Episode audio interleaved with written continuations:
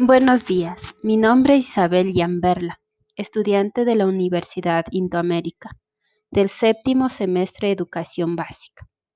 Hoy día trataremos el tema de la leyenda con la destreza, escuchar y leer diversos géneros literarios en función de potenciar la imaginación, la curiosidad y la memoria.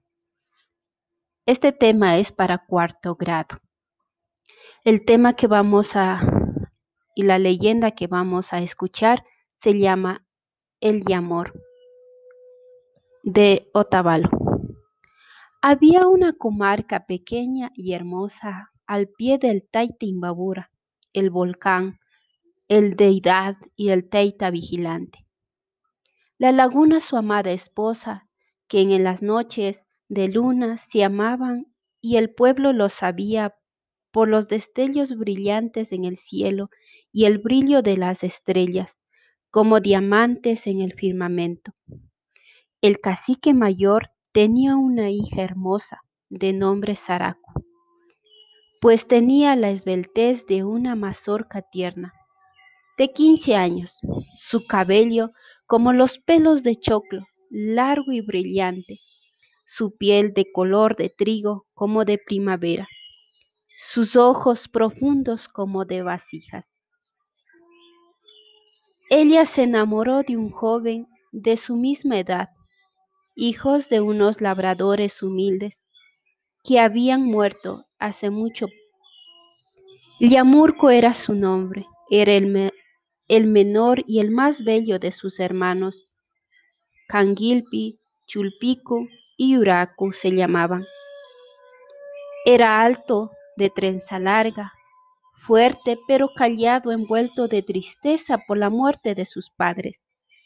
Cada año el pueblo se reunía para la cosecha, pero ese año no había sido difícil.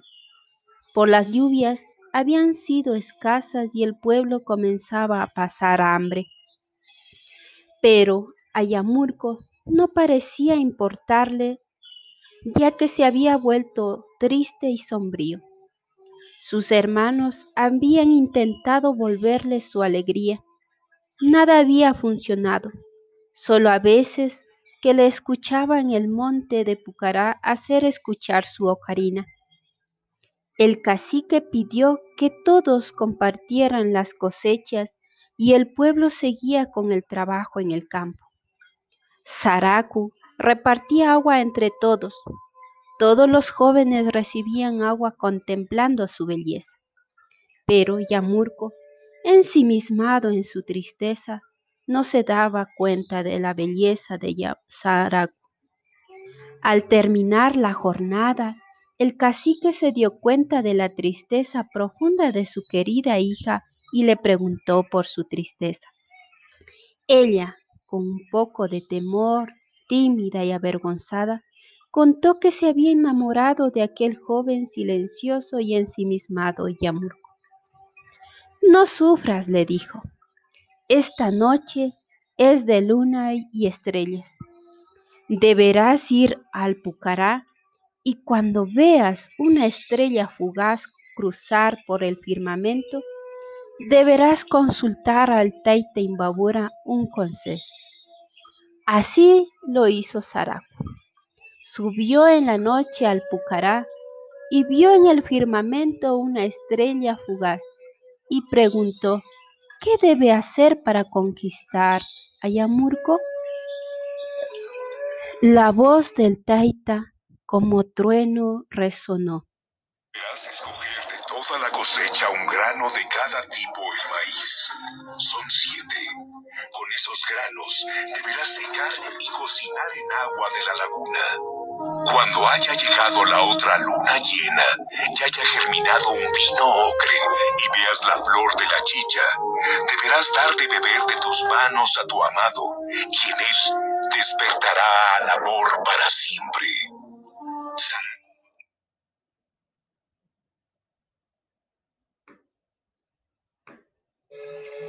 Saracu bajó a cumplir con el consejo, pero no encontró todos los granos, faltaba el maíz amarillo que solo tenía Juraco.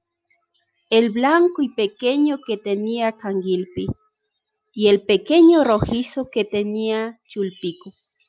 Fue donde ellos, contándoles que debía ser la bebida que el Imbabura lo aconsejó.